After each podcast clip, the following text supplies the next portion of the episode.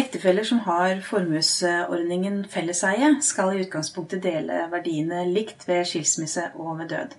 Men det finnes unntak, og de unntakene bør man være kjent med.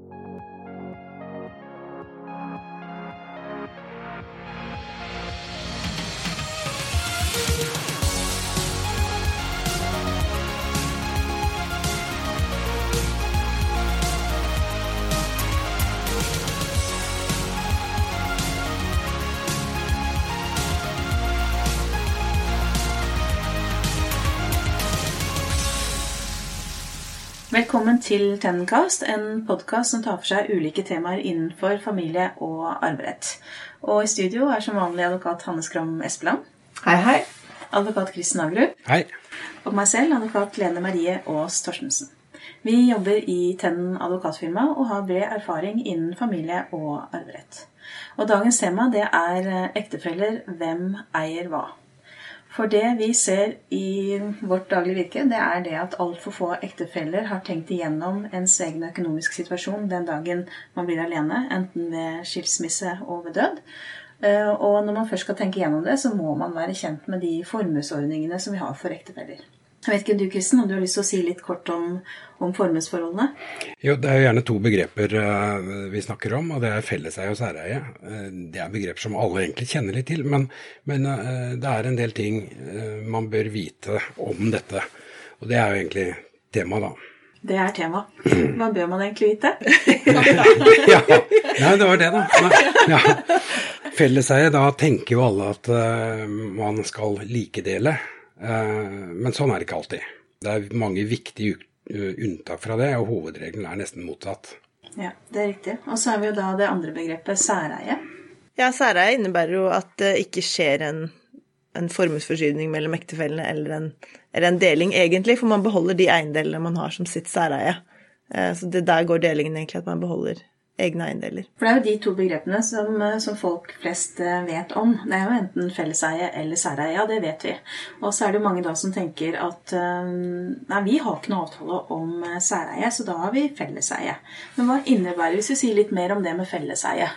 Hva betyr det egentlig? Nei, altså Felleseie det er den formuesordningen man har hvis ikke man har avtalt noe annet. Og det er sånn under ekteskapet så eier og hver av ektefellene sine ting. Men hvis, dele, hvis eh, formuen skal deles, eh, enten fordi en av ektefellene dør, eller ved skilsmisse, så er det de eiendeler som er gitt i felleseie. Da skal verdien av disse eh, deles. Dvs. Si at den som eier en eiendel, beholder eiendelen, men må avgi halvparten av verdien til den andre ektefellen. Det er en veldig viktig presisering, for mange tror jo at felleseie betyr at man har sameie i alle eiendeler. At man eier Hvis man gifter seg med en som eier en, en hytte, så ved å gifte seg så får man å få formuesordning i felleseie, så blir man på en måte sameier i hytta. Men det har egentlig kun betydning ved en deling, da. Som ja. du sier, at da har man krav på verdien av de, i utgangspunktet i de eiendelene som er i felleseie. Ja, og det er egentlig en misforståelse som veldig mange har. Uh, sameie og felleseie er ikke det samme. Mm. Og så Det vi også ser, er at eh, det er ikke alle som er helt bevisst på det at eh, verdier man opparbeider seg underveis i ekteskapet, blir felleseiemidler. Hvis ikke man har en avtale om noe annet. Og Et eksempel er jo det hvis man f.eks. er forholdsvis nyutdannet når man gifter seg, og så eh, starter man en bedrift underveis i ekteskapet og eier kanskje denne bedriften 100% og det er ens egen arbeidsplass. da. Og så etter da kanskje ti år, og så går man fra hverandre, så tenker man at ja, den, dette er jo min bedrift, det er min arbeidsplass. Og så er man ikke kjent med at verdien av den arbeidsplassen går inn til likedeling. Uh, og det vi ser da, er jo at man kan faktisk risikere å bli sameier uh, med en, uh, en kranglete eks hvis ikke man klarer å løse ut eh, den tidligere ektefellen f.eks. Av, eh, av virksomheten. Ja. Det sier liksom viktigheten av å egentlig gjøre en sånn løpende vurdering da, av uh, hvilken betydning formuesordning har for en. Og kanskje for den ektefellen som har den bedriften, så burde man hatt særeie på den bedriften f.eks. At man ble enige om det, da. Ja skal vi komme litt tilbake til det med særeie etterpå. Men det vi snakker om, er jo det hvilke verdier skal eh, deles, og hvilke verdier skal ikke deles. Et annet eksempel er jo en ektefelle som f.eks. eh, sparer penger på en konto og tenker at jeg skal spare opp en del midler, sånn at eh, mine arvinger kan arve etter meg, eller ha en eller annen buffer hvis man skulle bli alene. Mm. Men hvis man da har formuesordningen felleseie, så må man jo utløse ektefellen med halvparten av verdien av det man har spart opp, da. Mm. Så det er også mange som får en overraskelse. Mm, hvis man tror man har separat økonomi under ekteskapet, eh, og har formuesordningen felleseie, så er det dukket for en overraskelse den gang man skal dele. Nå var dere inne på det eh, i sted, det med det vi kaller rådighetsdel. Fordi at det, selv om man skal dele verdien da av et hus f.eks., så betyr det ikke at begge ektefellene har rett til å sitte igjen med huset. Altså Det kan være den ene ektefellen som eier huset, men det er bare verdien som skal da eh, deles mellom eh, ektefellene. Ja, nå har vi jo snakket om felleseiemidler og hva det betyr i forhold til en fordeling eh, mellom ektefellene, altså en likedeling. Men vi har jo også et unntak fra dette felleseiefordelingen, eh, og det er jo skjevdeling. Ja, for ektefeller som har skjevdelingsmidler, kan jo holde de verdiene utenfor denne likedelingen.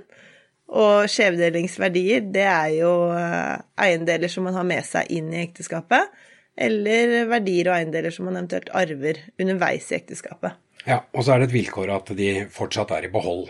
Um, altså at verdiene fortsatt er til stede. For hvis man har brukt opp den arven, så har man ikke noen skjevdelingsverdi. Nei, da har man ikke noe å holde utenfor. Nei. For det vi snakker om nå, det er at uh, i utgangspunktet så har man formuesordningen felleseie. Det vil jo si at alle verdier skal deles likt. Men hvis en av ektefellene har med seg verdier inn i ekteskapet, så kan den ektefellen si at vet du hva, de verdiene de vil jeg holde uten fordelingen.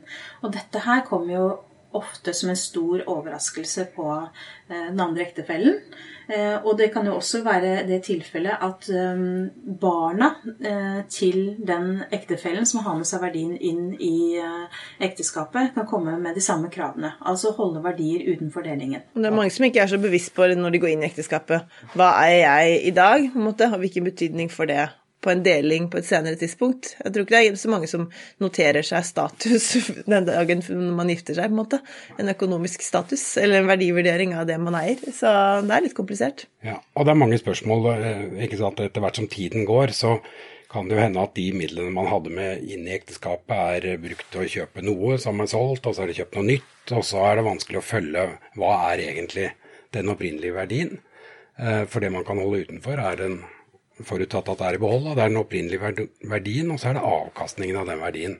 Eh, så, så det er mange egentlig vanskelige regnestykker og bevisvurderinger når man skal fastslå skjevdelingskravene. Ja, og det her, dette gir en dårlig ufor, eh, altså det gir jo en uforutsigbarhet. Eh, og det vi er veldig opptatt i møte med, med, med, klienter hos oss, det er jo det at eh, man skal ha et bevisst forhold til hvordan er min økonomiske situasjon den dagen jeg eventuelt blir alene. Enten ved skilsmisse eller ved død. Og det er klart at hvis man går rundt og tenker at alle verdiene vi eier og har, skal deles likt, og man ikke er kjent med eller har et bevisst forhold til det med, med med at den ene parten kan komme med et skjevdelingskrav, så har man ikke en forutsigbarhet i forhold til eh, den økonomiske situasjonen den dagen man eventuelt blir alene. Og det er veldig viktig. Derfor må, man jo ha kunnskap om hva dette her egentlig dreier seg om. Um, så for ektefeller som ønsker en likedeling, altså de ønsker å ha felleseie, så bør man ta noen grep for å påse at eh, det ikke plutselig skal komme noe skjevdelingskrav i etterkant. Man kan jo også avtale at man ikke ønsker skjevdeling. sånn at hvis man da gjør den eh, vurderingen og tenker at her, her, blir skjevdeling ikke riktig for oss, vi ønsker ikke det, så kan man jo krysse av for det i, i en ektepakt f.eks. Og da sikrer man jo at eh, verdiene likedeles. Og typisk skjevdelingskrav er jo kanskje enda mer aktuelt for de som går inn i et eh, ekteskap nummer to, f.eks. For da har man jo kanskje ofte opparbeidet seg litt mer før man går inn i et ekteskap, da. Mens de som er yngre, har kanskje mm, færre midler og, og bygger kanskje ofte mer i fellesskap. Man bør jo, bør jo, sette seg ned i gode tider og, og avtale og tenke, tenke, fremover, sånn at begge, begge ektefellene er godt ivaretatt. Ehm, F.eks. hvis eh, den ene flytter inn i den andres bolig, så vil jo det boligen typisk være skjevdelingsmidler. Eh, og liksom verdiutviklingen, veldig mye av de verdiene som bygges opp underveis for veldig mange mennesker, handler om verdistigning på boligen. Og hvis en av partene ikke fordeler noen form for verdistigning, så kan det hende de burde ha planlagt annerledes. sørget for en alternativ spareordning for den andre ektefellen, eller på en eller annen måte gjøre sånn at begge er trygge, da, hvis noe uforutsett skjer. Eller at man f.eks. da flytter inn i denne boligen, og så er man med å finansiere oppussing av boligen over 10-20 år, da. Så blir det jo mye, mange problemstillinger som kan oppstå. Det er masse å diskutere i etterkant. Ja, ja. det er i hvert fall typisk et eksempel som kan bli veldig mye, veldig mye å diskutere, egentlig. For hva er skjevdelingsverdien da? Og hva er i behold? Hvor mye har, har boligen steget i verdi for hver eneste, hvert eneste grep man har gjort underveis? Det er kjempevanskelig. Ja, og er verdistigning bare samfunnsskapt, ikke sant? bare vanlig mm. prisøkning på boliger? Eh, det er ja, mange spørsmål. Mm. Så eh, er det jo også det at eh, når man har med seg noe inn i ekteskapet, en verdi, så, så må man jo se på hva, hva er egentlig verdien. For det at det, sånn som vi snakker om det eksempelet om at man har med seg en leilighet inn i ekteskapet eller en bolig. Men det er klart at hvis det er gjeld på denne boligen, så kan man ikke ta med seg hele verdien av boligen ut som et skjevdelingskrav. Er f.eks. halve boligen eh, belånt, så har man kun med seg en halv bolig, hvis man kan si det enkelt. Nettoverdien av det man har med seg inn i ekteskapet, ja. mm. Eh, og, og, gjeld nedbetalt under ekteskapet, er eh, som utgangspunkt felleseie, hvis ikke man avtaler noe annet. Ja, helt riktig. Så um, noen ganger så kommer jo da ektefeller til oss og sier at de ønsker et testament. Uh, og så begynner vi å snakke da om uh, formuesforholdet. For det er klart at ved et dødsfall så er det en totrinnsprosess. Det første er jo å finne ut av hvem eier hva. Og den første prosessen er jo helt lik ved, ved, skilsmisse som ved død. Og da er det først man har funnet ut av hvem som eier hva, at man kan se på hva som fordeles til arvingene. Og i den samtalen så, så, opplever vi ofte at eh, ektefeller sier at vi trenger ikke noe dokument som sier noe om hvem som eier hva, for vi har formuesordningen felleseie. Men veldig ofte så eh, er ikke det tilstrekkelig. Det, vi ser ofte at det da kan være et behov for å ha en ektepakt hvor man krysser av for at man ikke skal kunne ha et skjevdelingskrav. Mm. Og ektepakt det er jo det dokumentet som ektefeller bruker når man skal avtale noe om formuesordningen. Skal man avtale noe om dette med, for, med særeie eller felleseie, så må man gjøre det i form av en ektepakt. Mm. Mm. Og så er det veldig eh, Ofte så er det også sånn at eh, ektefellene seg imellom de har ganske god oversikt over hvem som eier hva, og hva slags formuesforhold de har. Men det er ikke alltid at barna eh, har det. Eh, og særlig hvis man har da barn på hver sin kant. Så der kan man jo da oppleve å være lengstlevende ektefelle som kommer i en konflikt med førsteavdødes barn, fordi at førsteavdødes barn tror at eh, avdøde hadde med seg f.eks. skjevdelingsmidler inn i eh, ekteskapet ekteskapet. Eh, og selv om man da kanskje til slutt er den som har rett, hvis man kan kalle det det, så kan det være en tung prosess da, som lett kan unngås ved å f.eks. skrive en eh, ektepakt hvor man krysser av for at man ikke skal ha skjønnhetsmidler, og at alt er felleseiemidler. Jeg tror ikke vi kan få sagt det nok hvor viktig det er å ta den jobben med å vurdere hvordan er min formuesrettslige stilling i dag, eh, og hvordan blir det for hver og en av oss hvis vi skulle bli alene så, så, vet man litt mer hvordan det er. Og da er det også lettere å gå inn i en sånn prosess, for da har man kanskje da har man noen dokumenter på hvordan det skal være, og da er det lettere å, å løse det. Pluss at man kan uh, få en forutsigbarhet selv, da. Vi opplever ofte at det er mange mennesker som syns denne samtalen er veldig vanskelig å ta.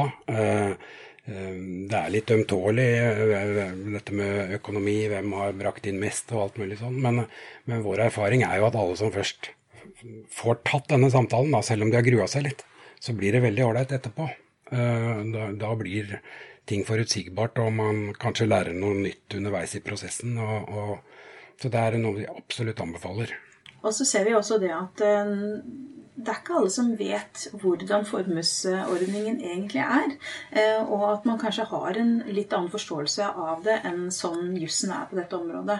Eh, og for å da være trygg på at det blir sånn som man har forestilt seg det, eller som man ønsker at det skal være, så, så må man faktisk eh, vite litt om eh, hvordan eh, hva som er hva, da. Hva er disse formuesrettslige begrepene, hva betyr det, og hva innebærer det for oss? Og det aller viktigste er at man har lik forståelse av det. Ja, det er veldig Det er ikke alltid. ja, Og at denne like forståelsen kommer ned på et eller annet papir. Ja. Ja, men jeg tenker at vi har, Nå har vi jo snakket om felleseie og unntaket fra, fra hovedregelen om likedeling, skjevdelingsmidler.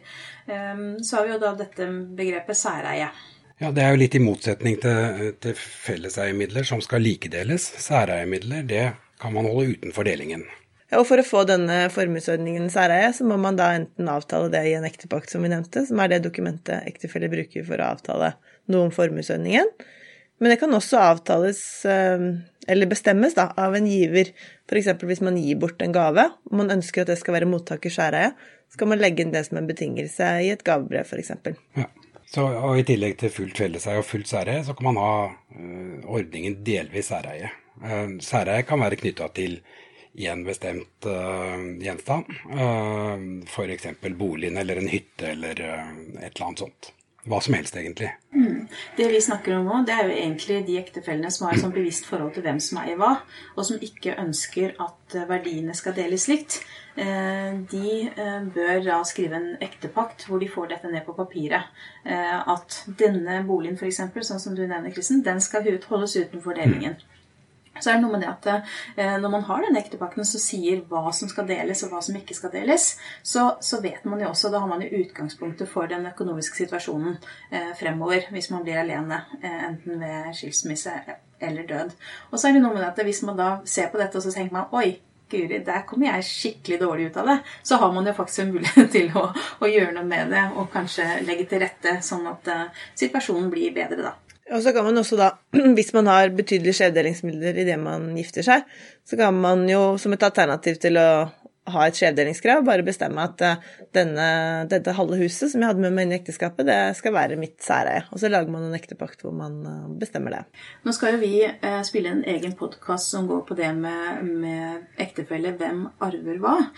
Og da skal vi også komme nærmere tilbake til det med uskiftet bo. Men det er kanskje litt sånn greit å nevne det, at når man bestemmer seg for ordningen særeie, så kan det også få en betydning for retten til å sitte i uskiftet bo. Sånn at man har et bevisst forhold til, til det. Men jeg tror ikke vi skal gå noe nærmere inn på det. Egentlig så tenker jeg at vi kan ta en kort oppsummering, Kristin. Ja, fra vårt ståsted så er det sånn at alle bør tenke gjennom hva blir situasjonen for meg, eventuelt min ektefelle, hvis en av oss faller fra, eller vi går fra hverandre. Man bør, bør vite litt om hvordan man er stilt økonomisk da. Og, og det er ikke sånn at det er én løsning som passer for alle, men kanskje typisk hvis man har en veldig ulik økonomisk situasjon. Da er det naturlig å se på en ektepakt. Har man særkullsbarn, så er det også veldig naturlig å, å se på en ektepakt, og kanskje også i, i kombinasjon med et testament. Men det er egentlig tilbake til det første. Alle må vurdere hva som passer for seg. Og det fins mange muligheter til å tilpasse og lage veldig gode løsninger for de fleste ektefeller. Så hvis man setter seg ned og tar den vurderingen og kommer til at man ikke syns den er helt bra, så er det mange muligheter til å sikre hverandre på. Ja. Det kan vi vel skrive under på. Og til å unngå fremtidige vanskelige konflikter. For det er jo det vi ser ofte blir konsekvensen, dessverre. Mm. Det tenker jeg var en uh, bra avslutning, Kristin. Takk for oss. Takk for, Takk for i dag.